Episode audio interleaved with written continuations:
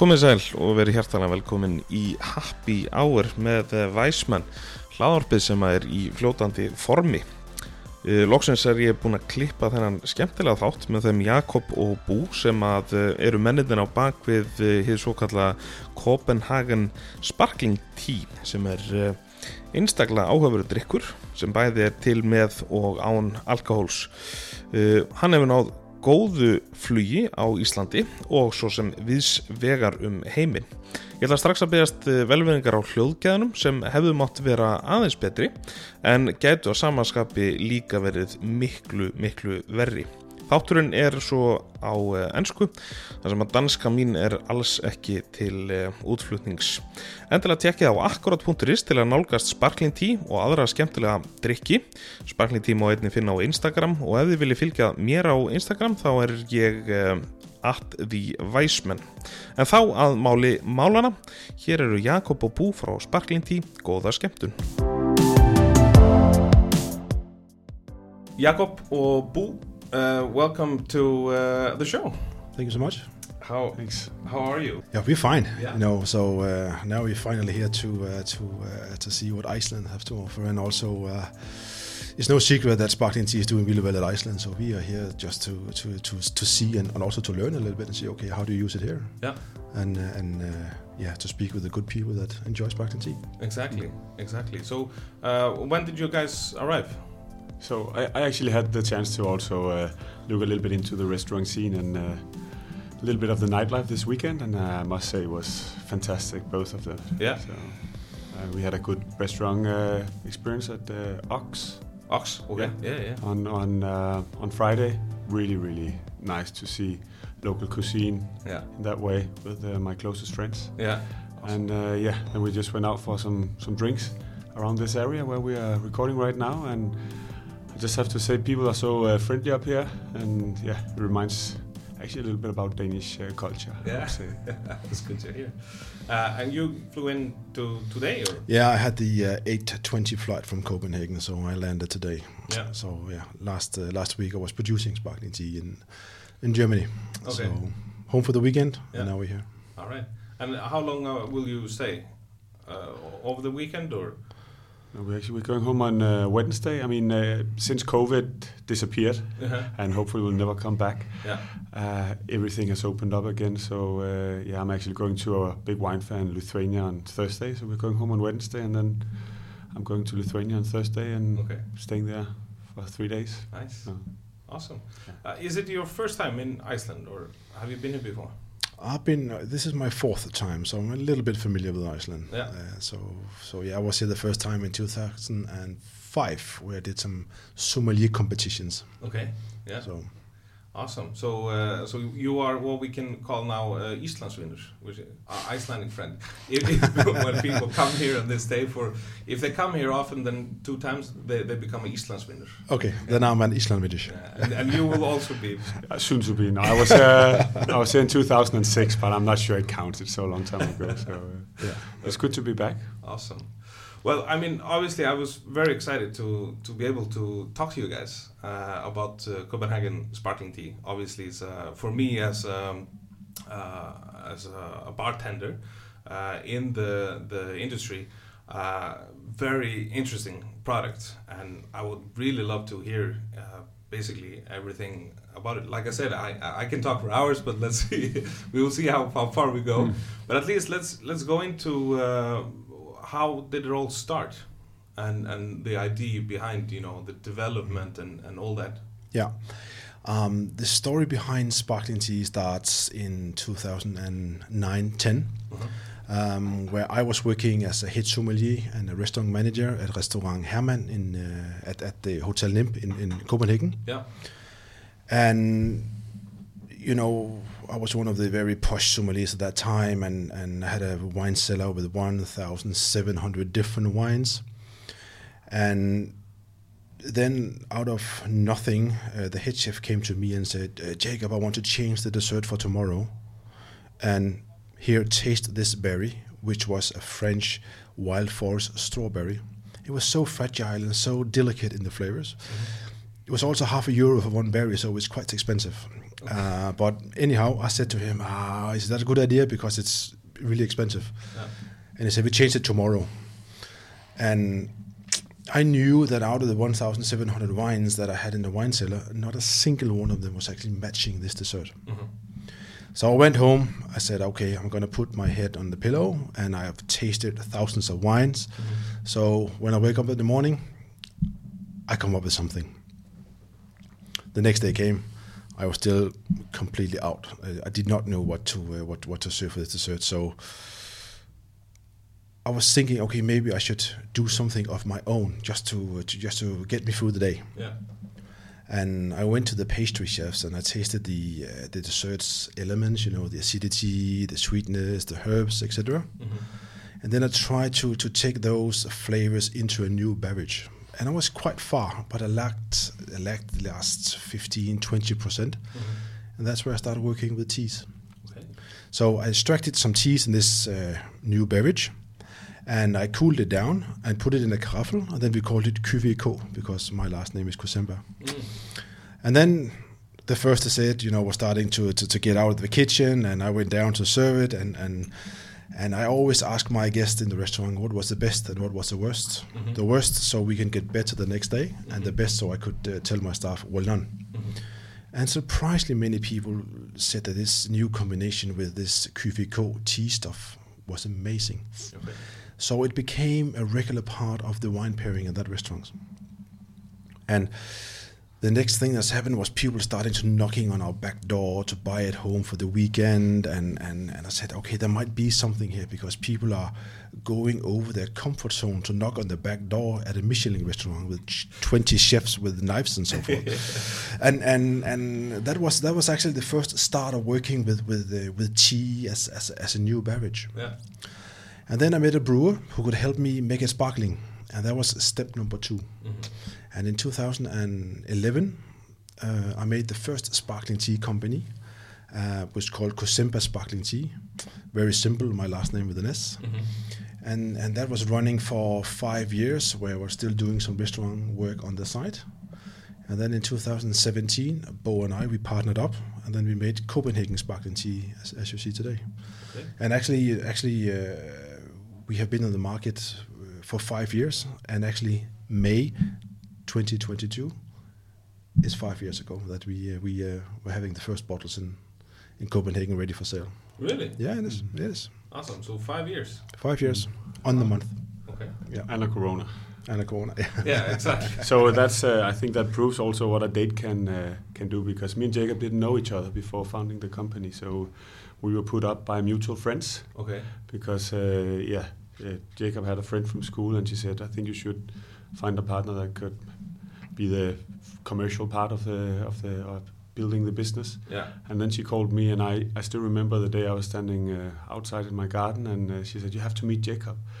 And uh, Jacob, uh, he's invented something really incredible. And then, of course, I ordered it online, Yeah. and I got these uh, first sparkling teas, and it's really interesting, really intriguing. Uh, and then we met, and I think we actually quite fast found out that we shared the same shared the, the same values, and uh, it's also having shitloads of fun Okay. Awesome. during the process because, of course, it's hard work Yeah. starting up a business from scratch, non-funded or bootstrapped, if you say. So, uh, but it's been fun all the way, even in Corona times. Yeah, awesome.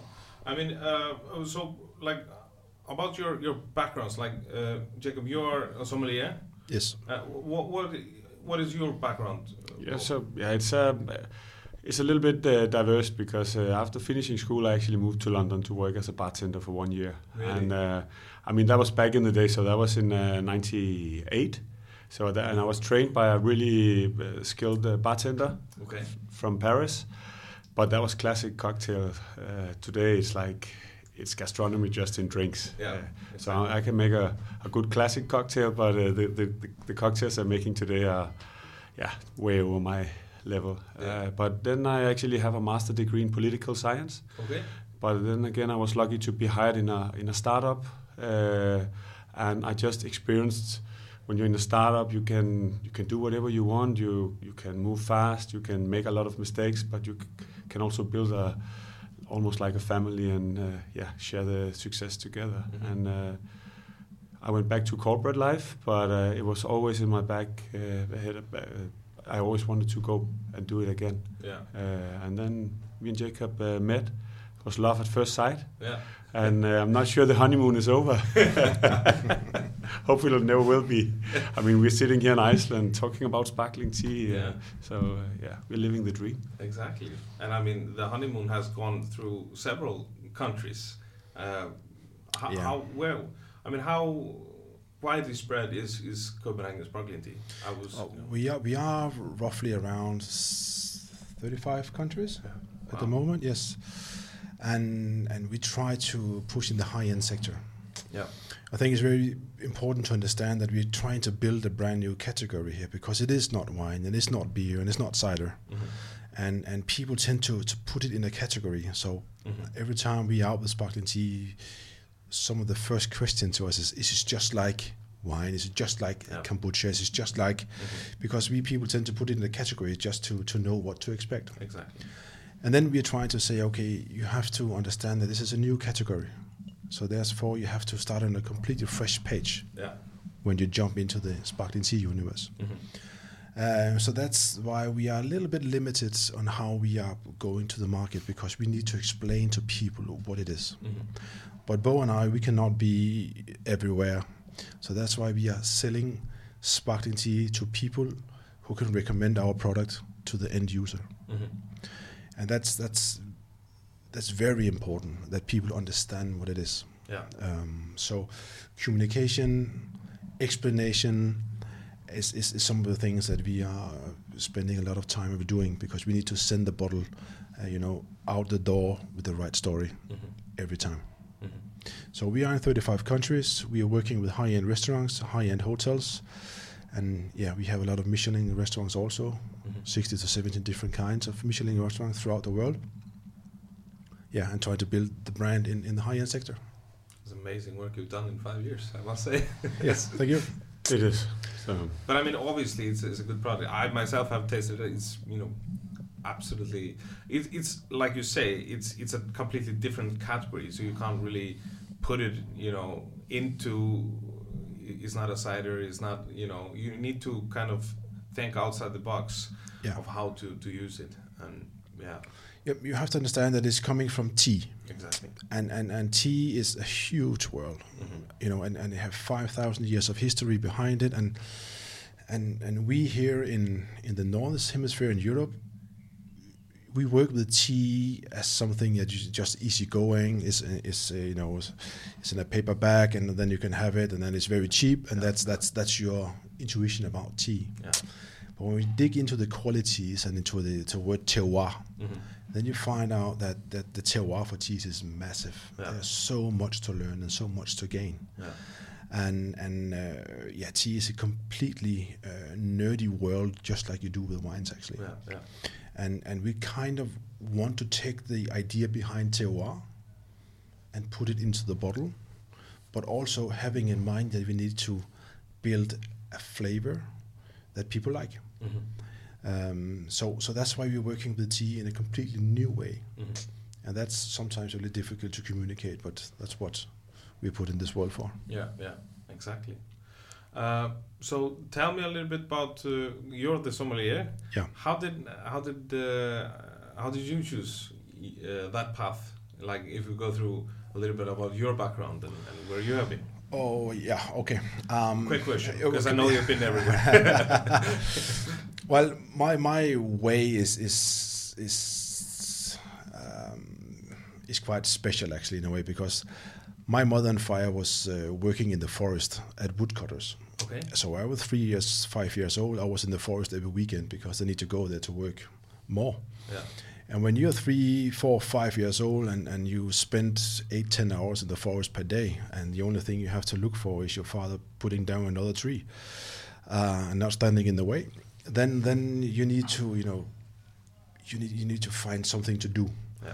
And when you're there for the whole season, you know, winter, summer, spring, and so on, then you get to work with earth and rot and leaves and bark and, and stuff like that. Mhm. And then in my teens, my mother bought a greenhouse, so I was working there as well as uh, as you know you have to do all the flowers and, and stuff like that. What you normally do in a greenhouse. And then when I was ready to uh, to do my decisions on what to do, I actually wanted to be uh, a chef. But I went to the chef school and it was not really me. And I thought, okay, I need to travel a little bit, so I want to be a professional bartender. Mm-hmm. And I talked to an old bartender. He said, you need to be an educated waiter 1st mm-hmm. and that takes three and a half years in Denmark. So I jumped into that and said, okay, I'm going to start here. And that was, you know, that was the first step working with wine. And it was so easy for me just to say, okay, you have a little bit of earth, you have a little bit of, uh, you know, leather, you have a little bit of coffee leaves and so on, because always had all the aromas and the smells in my vocabulary in, in, in, in my brain. You had the portfolio. I had the portfolio already there, so, so so working with the wine was very easy for me. And then it was this this uh, this is very uh, strange name, a sommelier. Yeah. And at that time in Denmark, there was only 60 or 70s, and, and you know they, were- they, they were they were really really really uh, you know tough people, and they they, were- they, they were the shit to just, just, to, just to tell it as is. And so maybe one day I'm lucky to to to to be in that range, and that's why I started working a lot with wines. Yeah. And in 2004, I became a member of the Danish Sommelier Association. And then I did a lot of competitions. And yeah, it went quite well. I won the Nordic Championship in 2006 in Copenhagen. And then I also won the Danish, European, and World Championship for professional waiters also. Wow. And then I won also a few awards for, for Danish journalists and, and so on. So all in all, it went well. Okay. Awesome. Okay. Yeah, I mean, it's it's good to have that kind of uh, portfolio to go into uh, what you guys are doing. Yeah. Now, for sure. Yeah. Okay. But uh, a, a, a little fun fact about that is also a curse sometimes because yeah. Jacob can, can always taste what is missing. So if the if the milk in the coffee is just like two degrees too high or too low, you can see it on his face instantly. and sometimes you just want to have your coffee or your tea. I'm a little bit like you with with that stuff. You know, I used to go out, you know, in the uh, especially in the Icelandic nature. You know, I have an uncle who, who is you know very nature friendly, and, and uh, it's fun to, to build up. You know, this this kind of. Um, I'm known as the the weird herb guy in Iceland. Okay. wild wild herbs. so usually I get- get phone calls like, "What is this? Can I use this?" A, a lot of times I get that, which is quite fun. Okay. But okay, let's go into the um, the beginning of uh, how do you develop, and, and let's talk about the, the the products a little bit. Yeah. We have two lines. Um, we have two sparkling teas without alcohol, Yeah. and they are 0.0 because there's never been an alcoholic fermentation on it. Mhm. And then we have three bottles with alcohol, but only 5%. So they are in the low category. Yeah. And to understand how we're working, you you you you need to understand we work with the terroir of the teas. So we're trying to get the best teas from the best terroirs Mhm. the world can uh, provide, Yeah. and we work organic, and we use hand-picked teas of the best qualities from the best terroirs the tea uh, can come from. Mhm. So that's why we have Assam, we have Sri Lanka, we have Japanese tea, we have Darjeeling, of course, and, Mhm. and, and you know that that's that's how we work. Mhm. And then again, we work with you know the understanding of building a flavor. Mhm. So the attack, you know, the first thing that's going to hit your mouth is Mhm. very important for us. And then the middle palate, that is where you have your first thought, what am I drinking here? Mhm. That's also very important. And then the aftertaste, what did I just drink here and what is my conclusion? Yeah. And on that taste journey, if you can say so, we Mhm. can add in different layers Mhm. with different teas. So your brain will always have something to think about. Mhm. Also on the non-alcoholic ones. Mhm. That's why they make. That's why they are so unique. Yeah, Mm. I totally agree, and and uh, this, this is, I, don't really think people know exactly how much work is put into that No. stuff. No, and it's still handmade. We still uh, make all the bottles ourselves. Yeah. Uh, so so that's also a part of the story. Mhm. So Uh, so let's go through like uh, the difference between if we take the non-alcoholic ones. yeah, we have two. Yep. Um, we have the blue, Mhm. and it's no secret that the blue is the most popular one. Yeah. Um, it's based on 13 different kinds of teas. Mhm. And here you have four white teas, including Silver Needle. And there you have uh, Lady Grey tea, you have Earl Grey tea, you have Darjeeling in this one as well. Mm-hmm. Then you have a green tea, uh, green Assam, a little bit of jasmine tea, and then you have chamomile, Mm-hmm. and then you have a little chai tea just to round up the aftertaste. Mm-hmm. And that, that that's yeah, it's quite complex. Mm-hmm. Um, but before we go to the tasting, you know, that's that's also very important to uh, to to tell that we're working with the temperatures in a completely new way Mm-hmm. because we're extracting the flavors uh, of the teas at different temperatures in different time intervals.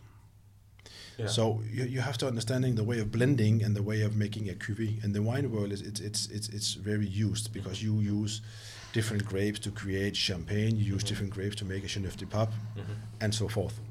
And we're having some sort of the same mindset behind it by working with teas. Mm-hmm. And also, you have different category of teas. And you have white teas, you have green teas, and you have black teas. Mm-hmm. And they, they all come to the table with, with something on its own. Mm-hmm. So white tea is is very expensive, Mhm. but it's used so the liquid will feel very soft on the palate. Mm-hmm. So you have this mouth feeling that's round and delicious. Then you have green tea that will give some depth, but also some umami flavors. Mm-hmm. And then black tea will give some strength and some backbone in your product. Yeah. And on top of all that, we're using different kinds of aroma. Mm-hmm. So that, that's how we are producing sparkling tea in a way. Mm-hmm. So, like you said, I- I'm very interested about uh, like um, the temperature and all that. That that's so it makes it even more complex than making Yeah. wine because you're you know controlling different temperatures for different uh, teas. Right? Yeah, uh, you know, you And know, time. you, you ferment wine at different temperatures also, Yeah, yeah, depending yeah. on which grape and what kind of yeast you're using and, Mhm. and, and so on. We use a lid in the same way because a white tea need that type of temperatures, a green tea need that type of temperatures. Mhm. But the end, in the end, we're gonna blend it together in a Mhm. tank Mhm. To create the tasting uh, flavor with the attack, middle palate, and aftertaste. Mhm. So it is a puzzle that you need to you need to make Yeah, yeah. and and yeah, you know the temperatures is a secret, Mhm. um, but uh, but they're different, and, and you Mhm. should imagine it, imagine us standing with a thermometer and a stop clock and say, Mhm. okay, this tea going at that temperature and have to stay there for so long, and, Yeah. and so forth. Yeah. And this blend was probably not done correctly the first time. I have tasted over three thousand different kinds of tea, and, and you have to bear in mind that, that that one tea will have, you know, many different expressions in Yeah, the flavor yeah. because there's a huge difference between forty degrees, fifty degrees, sixty degrees, Mm. eighty degrees, Yeah. between five minutes to forty-eight hours, Mhm. and that's just one tea. Wow. So that's that's why you have to find that complexity where it's exactly there. Yeah, yeah. Then again, it's a next layer because we are organic. Mhm. So when we get a new batch of tea, we have to taste it every time Mhm. and make small correction every time, so it will stay in the same uh, in, in, in the same flavor and type. So is it you know it's a, a batching kind of a vintage type of thing or, or Yeah, it, it's it's if you do the wine world, it will be a non-vintage where you have to have to make the same house blend every time. yeah yeah yeah, okay Well, which makes it much more interesting Yeah, It would be easier just to make a vintage because that, that's that that's what nature gives you that year. yeah, yeah exactly. Okay so let's talk a little bit about the the carbonation because uh, that's fantastic. And that's like what surprised me the most about this product or not surprised necessarily because obvi- obviously the, the the flavors are terrific but but it it- it's not like a soda water or, or something like that. It's obviously a lot of work put into getting the correct carbonation because it's you know it, it kind of makes you feel that you're it behaves in a similar way as a nice sparkling wine. yeah, um, we have five bars of pressure inside. Mhm. That's roughly around two and a half time the pressure of a normal car tire. Mm. and it's the same that you have in a Cremant or in, Mhm. a, in a Prosecco. Yeah. Um, in Champagne, you have around six, but here is around uh, five bars of pressure. Mhm. And it's true, if you add five bars of pressure into water, Mhm. then things would blow up Yes. because it's quite a lot. Um, so it's also a part of producing sparkling tea. Uh, and without going into too much detail, Mhm. I can say that the liquid goes through three different phases where it changes temperature every time Mhm. and every time there is you know, added some CO2 in a special way because the water molecule and the CO2 molecule mm-hmm. at the end have to be the same size. Yeah, yeah. And when we reach that point, that's where we can we, we can finish it.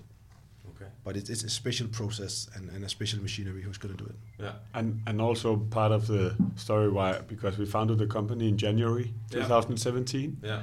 and we launched our first product in late May. So that's also part of the story why we couldn't launch it beforehand because we simply needed to do trial and errors to see if the bottles were behaving okay because they're served in a restaurant so they need to be yeah, exactly. yeah and uh, yeah that's uh, that was a big task. Yeah, I can imagine. But so first and foremost, you you know you made the the the, the blend, and then you thought about the the carbonation afterwards, or or was it kind of No, it, it go hand in hand. Yeah, uh, I would say because you can carbonize in, in, in, in many different way, uh, but um, the mouth feeling Yeah. is extremely important, and you know that's also why we're using a lot of white cheese because the mouth feeling has to be correct, has to be perfect, and then. When you add CO2 to a non-alcoholic product, people will always try to compare it with some sort of, you know, it's just like, you know, Coca-Cola or, or whatever. And it was very important from the beginning to have small, fine, delicate bubbles. yeah And we managed to do that. Mhm. And you also have to remember that that uh, CO2 is an acidity. So when you add CO2 to a product, it will also change the flavor. yeah yeah Uh, and and so you also have to you know incorporate that into the final uh, final blend and final taste of, of, of sparkling tea. yeah So yeah, that's another part of the puzzle. Yeah exactly. Uh, That's very very fascinating, and and like I say, one of the uh, uh, you can go ahead, just pop it. exactly. The best uh, sound in the world. It is. It is. Yeah. You sure. never get tired of hearing that sound. Never. And and people shouldn't uh, always need to be celebrating something to to to hear that sound, Hmm. right? Because it's, it's way too often that people drink these kind of um, popping products uh, just because they're celebrating something. You, you should you know be able to, to drink it on a Monday if you want. Mm. Exactly. Would you agree? You have a very good point there because you know being from the restaurant business, you know, it's very important to sell something on a Monday night, Yeah. uh, on a Tuesday night, but still having people, you know, to uh, to uh, to feel well, Yeah. and and also you know being able to uh, to uh, yeah not have too much alcohol. Yeah. And and we all like the gathering around something, a glass of beer, a glass of wine. Mhm. But if you do that every day, Yeah. the alcohol level is going to be too much. Mhm. So that's why it's very important that, that we have something we can sit around, enjoy, and without having that small alcohol devil whispering in your left ear, say you cannot do this. Yeah. Here, it's completely zero percent of alcohol. Mhm. You can knock yourself out. Yeah. It's amazing. Cheers. Cheers. Cheers. Skål. Yeah, skål. Skål. Skål. We are practically fluent in Icelandic. Mm. Exactly. So the first one, the pink one, or lyserød as it's called in Danish, Mm-hmm. uh, is based on on 11 different kinds of teas, and it's the most driest version that we have. Mm-hmm. and it's made with a lot of silver needle, a lot of oolong tea, a lot of Darjeeling first flush. And then you also see some hibiscus, and then you have some uh, sencha from Japan, and Earl Grey, Lady Grey, and you know all that is just to create the complexity of uh, of, of this uh, lyserød pink one, and it was it's also the last addition to the range, and it was made also because some people think the blue one, which is uh, the most what do you call it, our top seller for the alcohol uh, free. Some people think was a little bit too sweet, so that's why we made this one in a more drier version. Mm-hmm. So that's why it's become bitter in the aftertaste. Mm-hmm. And and normally we say sparkling tea in general can start a meal and finish it, Yeah. but the pink one. It can only start the meal because it's not sweet enough to, to, to go with any dessert you, you, you can have. So, so many people from the restaurant business who are used to drink uh, sparkling products, they prefer this one. Mm-hmm. So But, uh, but I mean, it's, it's even much harder, I can imagine, to, to make a, a, a dry version of of uh, of a drink like that. It is. It is. It is no secret that that uh, we when we decided to uh, to make a new alcohol, we want to make it brut, Mhm. really dry. Yeah. And we had some uh, bottles out for uh, for for a, a fair, and we kind of you know open it up and uh, hey, you you want to taste this one? Mhm. And the feedback was not overwhelmingly positive. Um, people was a little bit, "Oh, is this this is really dry. This is this tastes a lot of tea," which is actually something that you will like to hear. Um, but in a way, we also have to admit that uh, the fans were limited, Yeah. and, and we still had to, uh, to to sell some bottles. Yeah. So so we added a little bit more sweetness, and then it's still uh, it's still it's still dry, and um, yeah, I think we are in a very good place at the moment uh, with this one I- because I- now we have the fruitiness and all the red berries and and and Mhm. and, and all the others aromas because it's completely ta- uh, closely packed with different layers of of, uh, of of tasting notes in this one. Yeah, for sure. And, uh, oh, sorry. No, you go ahead. No, it's just because uh, obviously we've been tasting through everything there is on the non-alcoholic wines, Yeah, yeah. other teas and stuff like that, and I think normally one big mistake is is always to put too much sugar in because you you lack taste. You just want to build it on the sugar, and uh, I think this is filling a gap Mhm. for the people looking for an adult taste. Because when I serve this to to my uh, to my children, my my daughter she's 12 years old. Mhm. This one is way too dry for her, but I think it's filling a gap because Yeah. people would also like for shellfish or Um, yeah, I was gonna say. one, so- I was gonna say. Yeah. To, to imagine, you know, a couple of food pairings. Shellfish, Yeah. obviously, was the first thing I thought of here, uh, and like ceviche and, and stuff like that. Yes. It can be served in the same way as you will do with a rosé champagne or rosé Yeah, sparkling yeah, wine. Um, it, it have the same qualities. Mhm. And this one is slightly more bitter actually, so so we're also very good with charcuterie, for instance, and, Mhm, and, and mhm. stuff like that, Yeah. for sure. And the color, uh, that's the hibiscus. or- That is the hibiscus. Mhm. Yes, hibiscus is our source of getting this rosé, uh, Yeah. f- yeah, note. Yeah. And it's it's quite difficult because every time we brew it, we st- we standing with a glass every time we say, okay, now it's good, now now it's good. Then Yeah. then take it out. yeah, I, I love hibiscus. I, I've been using it a lot lately in, in, Yeah. drinks. Uh, it's yeah. It's But I, yeah, but I think it proves a point because it's also really really powerful. So uh, when we taste the, the last of the tank Mhm. the hibiscus, uh, when the hibiscus been in for too long time, yeah. it gets dominant. It gets slightly Yeah. bitter, Yeah. maybe more Yeah. bitter than we would And wish it- for. You also have it in the nose. Yeah. yeah, yeah, For for sure. sure. Yeah. So it's all about the the right the, the sweet amount. spot of when uh, it's Yeah. done. Exactly. And and hibiscus, you know, hibiscus is not just hibiscus. There are so many different types of hibiscus you can also get. Um, Yeah. So so you also have to learn to work with the right one. Yeah, exactly. I, I only have worked with one that I got from uh, uh, uh, a Turkish market in Iceland. I'm not sure which, which variety it is, but it's really good. You've you've Yeah. been on the black market to get uh, hibiscus. yeah, you can say so. no, but that's true. Like so many different. I I know a lot of this stuff with the with the Icelandic herbs that that grows here, but apart from that, um, I haven't. And also also just because we don't have so much source of, of many types of hibiscus, I, can- I can't Mm. imagine that we have that. And I don't know how is it in, in Denmark. Is there a lot of you know places where you can go and buy different types of the same herb and, and stuff like that? Yeah, we have we have a few Yeah. places where you can see okay there are some varieties about hibiscus, um, and then you can talk to your tea dealer, and then okay now we can see this is from Yeah, yeah. this region and this is from this region and then you can google it and see okay hibiscus that's come from a family with so many f- stuff uh, you know under that umbrella called hibiscus.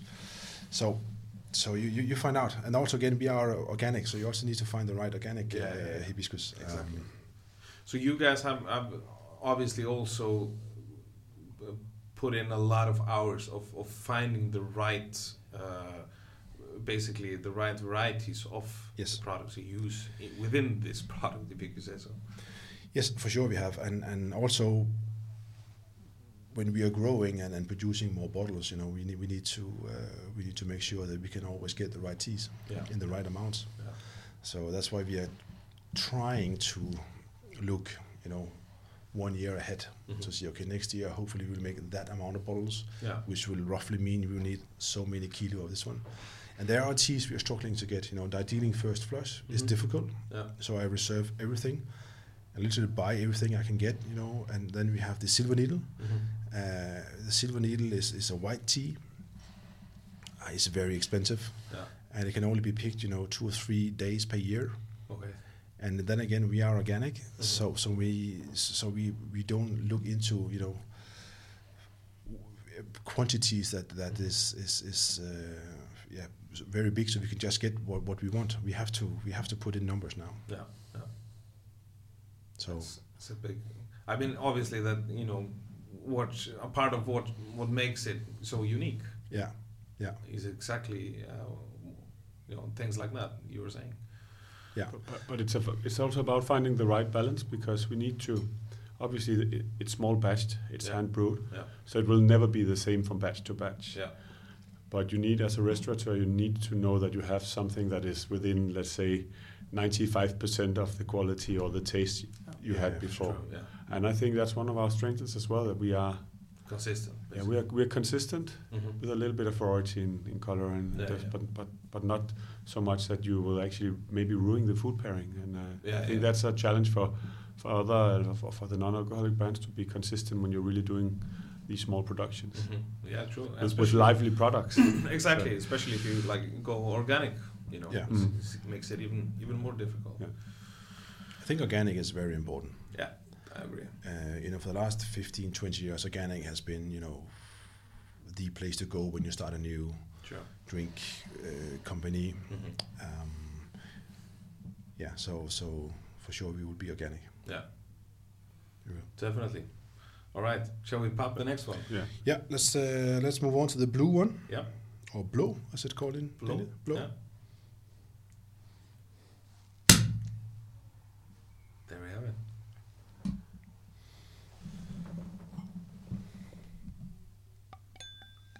You can even even get the, the, s- yeah, yeah, sound. Very nice.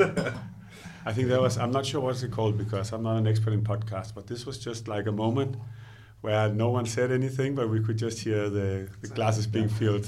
I, Sometimes you just need that. yeah, exactly.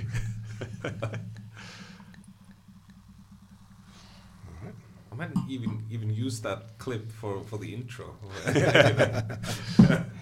All right, awesome. Cheers, guys. Cheers.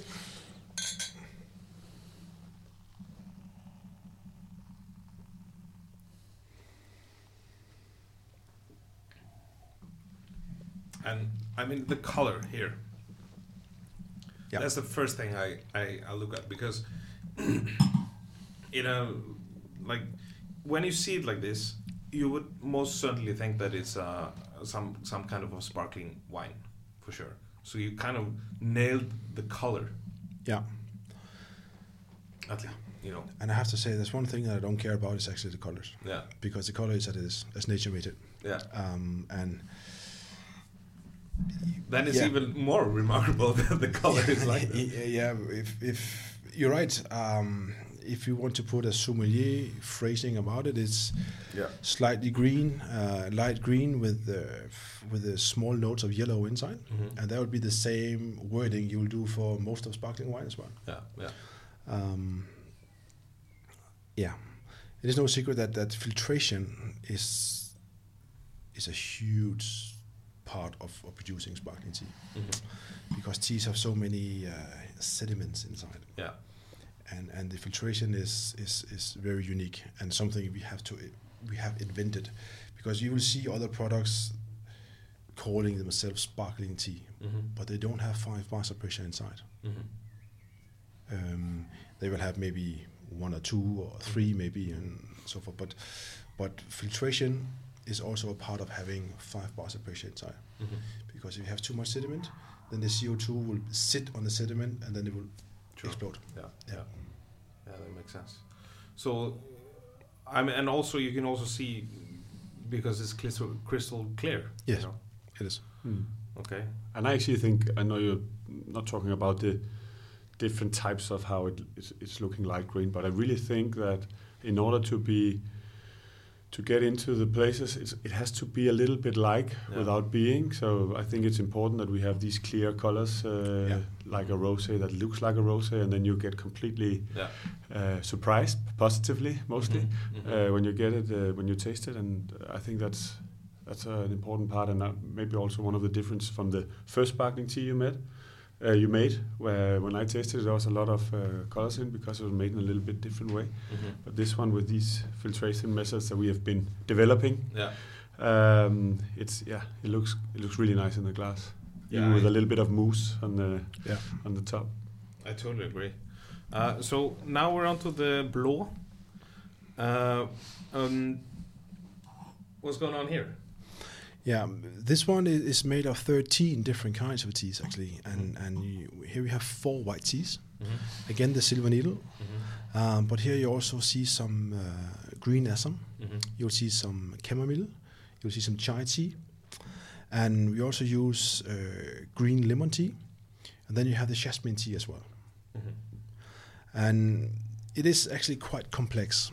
And, and when you get into the glass, when you get into the bottle, you you will you will notice that the aroma profile will change a little bit. Mm. So so you will have you know new aromas to discover every time you're going to put your nose in, in the glass. Okay.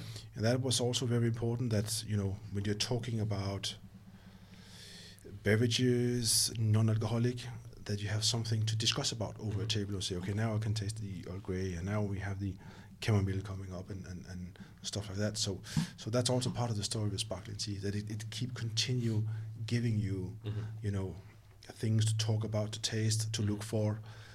Yeah. So that's that's that's also very important. Mm-hmm.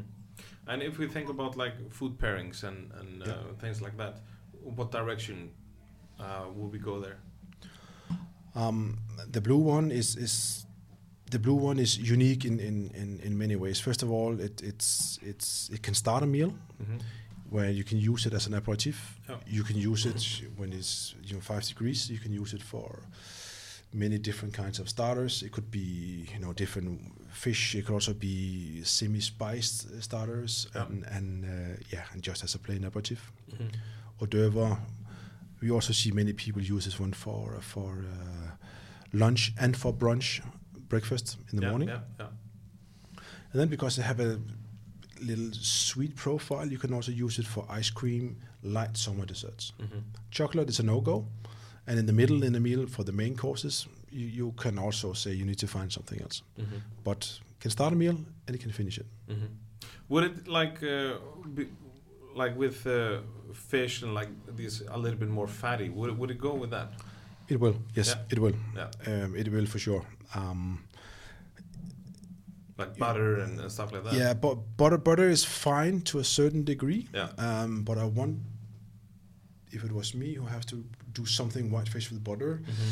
then I would add some sort of you know spicy element. It could be saffron, or Mhm, it could yeah, be Yeah. you know maybe an orange hint or something like that. So you have Mhm. this extra kick to it. Yeah. Yeah. Then then then it would be perfect. Very interesting. Mm. And then from a from a business perspective, what I find so intriguing about this bottle is so in this world where everything is invented, Yeah. this is something completely new. And Jacob said in the beginning of this podcast, yeah, we are in 60, 70 Michelin restaurants, but I mean, you don't just get there overnight. It's simply because that in this world where everything is invented, we've created something truly unique that actually fits exactly uh, a trend that is not in only in Europe or in the US. It's all over the world. So we are we're being in the Champagne Bowl in in Lung King Heen, which is a three star out in, in Hong Kong. We're being used for afternoon tea at the Four Seasons in Singapore and the Ritz in London. And we are, of course, being served here at, uh, yeah, I experienced it at Ox, uh, Mm-hmm. if it's rightly pronounced, uh, Yeah. on Friday. And and sometimes we cannot even grasp what is actually happening because this is probably even bigger than, than we are. And, and of course, everybody's, we have this podcast, you have an Instagram. Instagram is amazing to spread the word. You have a sommelier who loves it, works in Copenhagen. He moves to, I don't know, to London or New York, and then he brings it, and then we are, yeah, we can we can uh, support him there. So it's, yeah, it's amazing and, and truly unique experience to be able to, to to see this grow. Yeah, I mean, day by day uh, from, absolutely, for us. Absolutely, and take this moment to to be proud of yourselves for sure. Because Yeah, I can hear when I say it. It, sounds uh, maybe a little bit. Uh, I don't know it, but it is crazy. It And, is. uh, it is for sure. yeah. And I can imagine that this has been a, we could just say a hell of a ride for you guys. It had. Yeah. It had, and it has all the elements. I mean, of course, we should get back to the taste, but it's it's so hard to start a business because uh, we choose from from the beginning. We choose to to, to dream big, Yeah. but we also choose to say no to any potential investors. So to this day, we are still just owing the full Yeah. parts of the company, and we actually don't have any board yet. Of course, we are asking people in our network for for for, for things, but but Mhm. we are we're still doing all the mistakes Yeah. ourselves, and Yeah. uh, yeah, two years without a paycheck, and uh, now we are having a company where we can have a paycheck and a, a, few, few employees that can help us That's awesome. with um, yeah the practicalities That's and really good. selling. But like uh, like I said, this obviously what we have been talking about. What what comes also down for me is that you you decided to go organic. You decided to invest a lot of time into making you know a great product. And I mean, you guys are inventing, like you guys say, a new category and filling a gap that wasn't already, and that's very. I mean, a lot of respect goes out to you guys for, for that. Thank you. Uh, so uh, yeah, I w- I- briefly, I I I, uh, I went through through uh, your your website and and uh, I saw like y- you're already in in the US also. Yeah. Um, uh, so yeah, really, really cool. And from from those uh, people I have uh, talked to here in Iceland, they they they love it. I mean, how how well are, are is Iceland doing? Iceland is doing extremely well. Yeah. I think per inhabitants, Iceland is by far that country in the world who consume the most sparkling tea. Wow. So that's yeah, that's something to be proud of. So we also have something to learn up here. So that's Yeah, why yeah. Uh, we, we, we came to see okay, w- Mhm. what are you doing up here, guys? Obviously, it's for us. It's and it's been from day one. We we need to find the right partner to work with because Yeah, we yeah. cannot we cannot hire five brand ambassadors just traveling around the world and Mhm. uh, and doing uh, Yeah. promotion. Yeah. So we really need to find a, a small, dedicated partner who believes in us, and then uh, yeah, uh, Andre and Solon up here, our guys in the Netherlands, have become uh, good friends. So Yeah. when we go out for a trip like this, Mhm. it's not it's not work. It's it's visiting uh, good friends that's uh, doing a tremendous job helping us Yeah. building our business. It's it's uh, business and pleasure in in a great uh, yeah match. Yeah. I mean, credit must go out to, to Andre Solon also because they are kind of inventing a whole new category, or not inventing, they are promoting a category of, of Mhm. non-alcoholic um, uh, drinks. And I mean, they already been Solon two times and Andre one time also at the podcast. So, Okay. so it's been, you know, I've been working a, a lot with them also. Um, and yeah, I can I can obviously say that, that they they are doing really well uh, promoting sparkling tea as well. Yeah. Uh, yeah, for sure. But it's uh, I, w- I was you know when you ask people Yeah. out in uh, I was in a bar and a cocktail bar and if you ask people they know about sparkling tea yeah. and we're not used to that because when you're like prim in the premium segment uh, yeah a lot of people are not used to paying the amount of money for a bottle but up here people knows about us and it's uh, yeah again it's, it's, it's difficult to to grasp and take in but at the same time of course you, it makes you really really proud yeah. so Exactly. Okay, so we have been talking a little bit uh, about like um, the sommelier perspective of sparkling tea as well as like food pairing and stuff like that. What do you think about like taking it further and using it uh, within drinks, within the bar and co- cocktail uh, scene and, and all that? What, what's your take on that? Well, sparkling tea brings completely new flavors to the product. So, Mhm. so when you use it in a cocktail, it will also be something completely new to work with. Yeah. And especially one with a little bit of alcohol, um, they're doing extremely well in cocktails. Mm-hmm. And you know, if, it, if if if you take a classic or like a champagne cocktail, Yeah. and you change the champagne out with sparkling tea, Mm-hmm. then you're building on something known, Mm-hmm. but it's a completely new drink because you add sparkling tea instead. Yeah. Yeah. and that's that's amazing because then you, you still again you have a low alcohol Mm-hmm. but you still have the same intensity of the flavors Mm-hmm. and also for mocktails uh, in general which is uh, which are f- something we're going to see more and more Yeah. there, you know, sparkling tea have a huge um, you know, impact on them also. Mhm. And you know, we, we tend to say you can put you can put sparkling tea blue or pink uh, on the glass, Mhm. And then you can also put it in one cocktail. So you make sure you have you know uh, you have you have opportunities to use the bottles. Mhm. Yeah. So that's something we, we for sure recommend. But it's like, but we have to admit that in the beginning we were very unsure Mhm. about should we promote that you could actually use it for cocktails because we were so focused on saying this is not like a mixer. Yeah. It's it's a it's a standalone Yeah. product, and I Mhm. think we found a balance because what we could see, and then Instagram is is Mhm. fantastic there as well. Is people all over the world start making cocktails, and they added us or, or Mhm. tagged us, Yeah. and we could just see they were doing Yeah. amazing things. So we've actually just collected all these cocktails in a Yeah. Yeah. in, in a, a small book, Really? a PDF file, Okay. not a book. Yeah. You need to add So- mine. Yeah. I, I made a, a cocktail. Uh, it's called Sparkliato. Sparkliato. Sparkliato. That would be hip. Okay. We have to Very nice. fix that after. Yeah. but, but, you- but but I also have to say, at the end of the day, sparkling tea is made for something which should be, dr- be drink on, uh, be drunk on, on its own. Mhm. Um, so so cocktail is an add-on. Yeah, yeah, yeah, Yeah. yeah, definitely, definitely. But you kind of, you know, I I imagine I don't have a, a product myself, but I can imagine that you you kind of never know who you, you will find someone in the end that takes your product into a completely different direction Yeah, that yeah, you yeah. never intended. yeah, yeah. We we have seen that uh, Yeah. a few times. Yeah. Es- Especially out in Asia with the food pairing, they, they take Yeah. it really. St- I was about to say strange, Yeah. but, but it's from a European perspective. Yeah. But uh, it works. Yeah, it's different. Yeah, Yeah, that's awesome. so interesting. Yeah, and it's also really interesting about the Asian people. They they they gonna ask you completely different questions. Mhm. So so because they know about tea, they know about how how to to, to work with tea and where tea are coming from. Yeah. So there you will have other questions like, what type of water are you using? How soft is it? Yeah. That was the question you're, you're, you're getting out there. Mhm. And here in Europe, well, it's a tea. yeah, exactly. yeah, it's, it's a completely different perspective. Yeah, yeah, there. exactly, exactly. And so, so that's that's that's fun how to to to to meet people in in different kinds, uh, different places of the world, and and and listen and hear to their take on how they understand Yeah. tea. Yeah, yeah, exactly. Uh, let me also go into uh, the the one with um, the alcoholic ones. Yeah. Uh, so, uh, you, f- first and foremost, did you decide to go like? Was it an add-on? Did you intend to go both ways in the beginning, like to have an all-alcoholic one and, and as well as as uh, one with with that includes alcohol? Uh, And yeah. why the percentage five?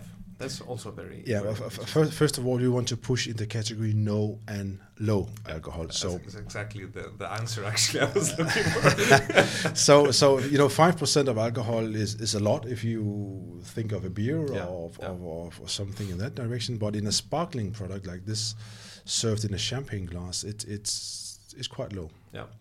and five percent is is is a percentage that is understandable. Mhm. It's five percent It's something, but it's not too much. Mhm. And also, there's two units of alcohol in one bottle, Mhm. which will mean that we can share a bottle and drink, you know, half a bottle each, Mhm. and then at least for Denmark, you can still drive away. Mm. So you don't have to sit with one beer or one glass of white wine or red wine or whatever and, and, and make that last. Mhm. Here you can have three glasses Mhm. and without having any concerns. Mhm. And five percent of alcohol is also enough so you can build flavors on the alcohol. But Mhm. there's no doubt that alcohol is amazing to build flavors on. Mhm. True. So it's it's a combination of all those thoughts, ideas, Mhm. and the conclusion is four to five percent of alcohol Mhm. is enough, and we can still say it's low on alcohol, Mhm. um, and and we can use it uh, for sure. Mhm. Um, could we have higher alcohol? Yes, but then the alcohol will become a factor Mhm.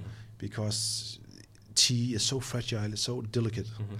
So the alcohol depth will, will give you a slightly burning Mhm. flavor on, on, on, on the palate, Mhm. and that is not the intention. The intention is to taste the tea Yeah. and the qualities behind the tea. Yeah, Basically, create a stage for the for the deep. Exactly. Yeah. Cool. Awesome. So So, what what's the how does the future hold for for uh, Copenhagen sparkling tea? Do you intend to to bring some some more products or? Uh, we are brewing something for Yeah. sure. What it is and what it's gonna be is too early to say. Yeah. Um, but uh, yeah, we will never stand still. No. So Yeah, but I think to to add, uh, people are always asking us because when we go to a fair the next year, say what what's new, what's Yeah, new, what's yeah, the next one, and I, I think I honestly can say that we are creating a classic range where you, you have different food pairing Mhm. opportunities, different uh, Mhm. taste for a dry palate or Yeah. medium palate. So we will not be uh, the company with uh, 25 different types of uh, sparkling tea. Yeah. It's also probably just figuring out new ways to like new food pairings and, and stuff like that. yeah, and the tea world is huge. Yeah. Um, and and what you will see hopefully in two three years time is our take on doing a vintage Mhm. because you will see high end vintage tea and they are there. Mhm. We just need to, you know, make our version of a vintage. Mhm. Um, and we are in the early days with this, Mhm. but that's that is something we're going to work with. Cool. Awesome. Okay, let's let's try some of uh, the one that includes uh, alcohol. Alcohol, Yeah.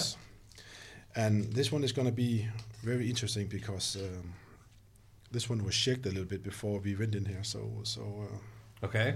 That would be even better. Not for your clothes, but for the podcast. so let's see how it behaves. Silence. Silence.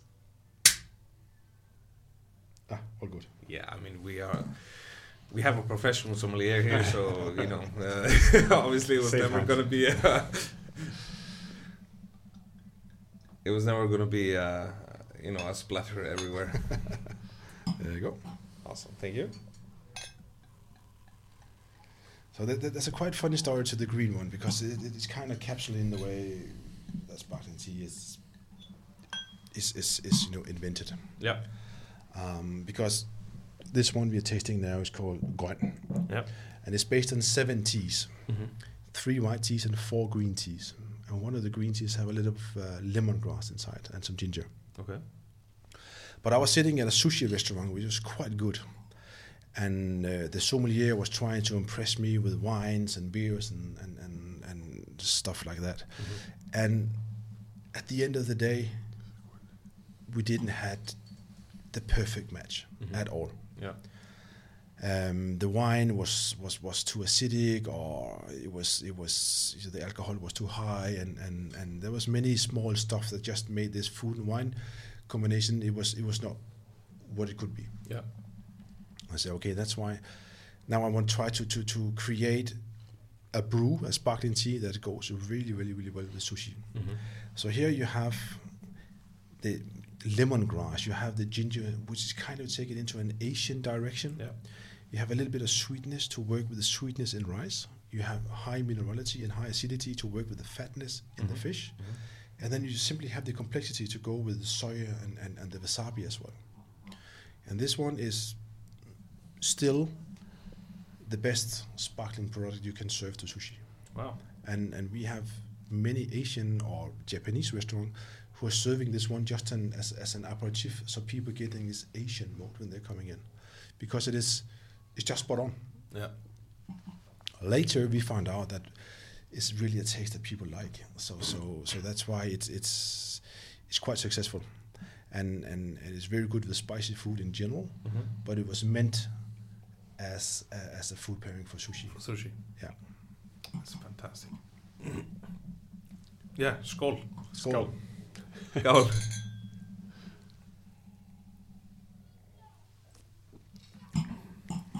Yeah, it's great. and just it's just so it's just so clean, so fresh, Mm-hmm. and then you have a lot of uh, you know green tea notes. Yeah, and I think like doesn't make sense that the ginger kind of moves uh, the aftertaste. Yeah, but Right. but when when it's not overwhelming, it's No, so no. well balanced. So you still have the, the, the acidity Yeah. and the minerality to take the aftertaste long, Yeah. Which is very important. Yeah. Um, so so complex food like you know f- curries or whatever. Mhm. This one is, is spot on. Yeah, d- definitely. I mean, you, you obviously get get the lemongrass also in the nose. Yeah. And you kind of you don't because people tend to be sometimes a bit you know af- afraid of, of, of ginger or Yes. like overpowering. That's obviously just because you know people get a Moscow Mule with a bad ginger beer or something like that. Yeah, But- yeah, for sure. Do, do you know what I mean? Yeah, like yeah. overpowered of, of, of Yeah. ginger. You don't have that here. You know, No, it's like a, a backbone in some way. you still you still have to bear in mind that this one is very elegant, Yeah. and you have the acidity and a little bit of lemon bitterness in the attack. Yeah. The middle palate, there's a lot of intensity, hmm and then a very fine, elegant aftertaste where you have this uh, ginger lemongrass, hmm and just very soft, very smooth. hmm Yeah, it's absolutely. Yeah, I can imagine. You know, a lot of uh, a lot of food that, that it will be. paired- I mean, obviously sushi. You you, you got me there. That's that's definitely. But I mean, you, you can go in, in, in more direction, just like a, with a, a nice uh, Caesar salad or, or something Yeah. like that. And and ceviche, which Yeah, we- yeah, yeah. which was also good because yeah, it's just spot on. Mm-hmm. Awesome. And I even tasted it uh, on Friday uh, with the famous bread you have that is uh, done in 24 hours or something at, in close to the hot sauces in a, like a milk carton. Yeah, the rye bread. yeah, the our rye bread. our rye bread. I know you guys have us, but No, but this one Mhm. it was just the rye bread, some Icelandic butter, Mhm. not salted too much, yeah, and then the green one, Yeah. and it was a mad, completely Really? fantastic match. So um, yeah, it can go a lot of ways. It's very interesting. Yeah, Yeah. true. Yeah. Well, uh, then then again, you know, it's difficult to explain this to people, so they really have to taste it. Yeah, true. And and we are so lucky uh, with sparkling tea that that nine out of ten people they say wow Yeah. when they taste it. Mhm. Now it makes sense. All the stuff you're standing there and just saying and talking about and Yeah. tea, how to understand that. When you have it in a glass, when people are tasting, they have it in the mouth. Mhm. You can just see it in the in the eyes. Now everything makes sense. Yeah, yeah. I I I totally agree, and I also like, especially here in Iceland, we, we're not that big of a tea drinking uh, nation. No. So it kind of puts tea in a completely different perspective, uh, which is awesome. Yeah. Yeah. So th- there's a huge thing in understanding the qualities of the teas. hmm because you know tea can be it's, it's as, as I mentioned before it's a very big world Yeah. and and just like wine when you're just starting to to look into what wine really is hmm then you find out how little you know Yeah. and when you do that with tea also then you find out how little you know Yeah. um, so so uh, yeah you have to really have respect about people who knows a lot about it and and you know Yeah. worked with the with the different uh, categories for, for, for, for many years and, and try to make the best Yeah. and and um, in that way, tea and wine have so much in in in, in, you know, similar. Yeah, yeah, exactly. Uh, let's like just speak about uh, the two uh, remaining ones. Uh, we're we're gonna do a tasting tomorrow night uh, with you guys. Uh, so so I will go dig deeper into that. But can you like just talk about them, um, like the red and the Winter? Yes, Rød is based on ten teas. Yeah. Uh, it's also rosé, hmm and it's based on, on three white teas. Then you have uh, a little bit of rooibos, Mhm. hibiscus again. Um, you have Lady Grey, and you have the Earl Grey inside also, and and Green Assam. And it's our take on a rosé uh, sparkling tea. Yeah. and is it might be the product we have that is closest to, to sparkling wine in a Mhm. rosé way, and is extremely drinkable. Is finish up with a slight bitterness in the aftertaste, and it's it's uh, so enjoyable uh, drinking in the summertime Yeah. uh, for sure. The winter hmm is a limited edition. Um, we only produce it one time uh, every year, and it's based on chai tea, and it's it's very difficult to explain how it tastes. But a good way is to say, okay, it's, it's, it's, it's based on chai tea, which Mhm. is sparkling, hmm um, and it's you know just like maybe funking blue wine or, or Mm, of- mhm. in that direction in a, in a crazy way. Wow. Um, but it's so soft. It's just like velvet uh, on, on the palate because it's Mhm. based on chai tea. Yeah. Um, and we recommend it throughout November, December, November, December, January, and February, uh, because of all the elements of, of uh, you know hygge, the Danish word for coziness, and, Yeah, and yeah. uh, sitting inside. And and normally in November and December you get a lot of alcohol. Mm-hmm. So here you have a yeah you have a, you have a chance to to have a lot of enjoyment without falling off the bar stool. So Yeah. Yeah, and also, I think it also proves the case that we started off with a very dry rosé, Mhm. non-alcoholic, and the winter version is, is, is fairly sweet. It's spicy, Mhm. so it really proves our shows how what you can do with teas. So you put it in all sorts of directions, uh, suitable for very different types of occasions and food pairings. Yeah. Awesome. So I think, yeah, we we already been one hour. Imagine, time flies, doesn't it? time flies. Yes. Good Yeah. companionship. Uh, yeah, I think we'll, we'll basically wrap up. We, we are, uh, yeah, gone through uh, the whole uh, spectrum of your awesome uh, sparkling tea. Uh, looking forward to to see more of you guys for sure, and to to test out some more um, pairings, food pairings. And I, oh, I am gonna use it a little bit in cocktails because because I got a lot of crazy ideas also out from this rye bread. Uh, I have yeah fr- from this rye bread pairing that you were you were Mm. talking about. Very interesting. Uh, so yeah, uh, thank you so much for, for taking the time to to uh, to speak to me, uh, and yeah, looking forward to to see you again. Yeah, but uh, thank you for seeing us. Yeah. So. Until next time. See you. Thank you.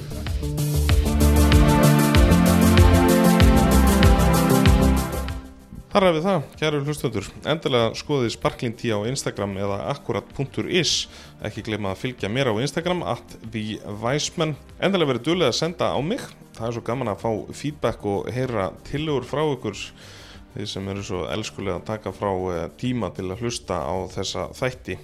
En þetta verður nú ekki lengra hjá okkur í dag. Munið að nálgast áfengi af ábyrð, drekki til að njóta, ekki til að gleyma. Takk fyrir að hlusta. Þannig að næst, Weisman out.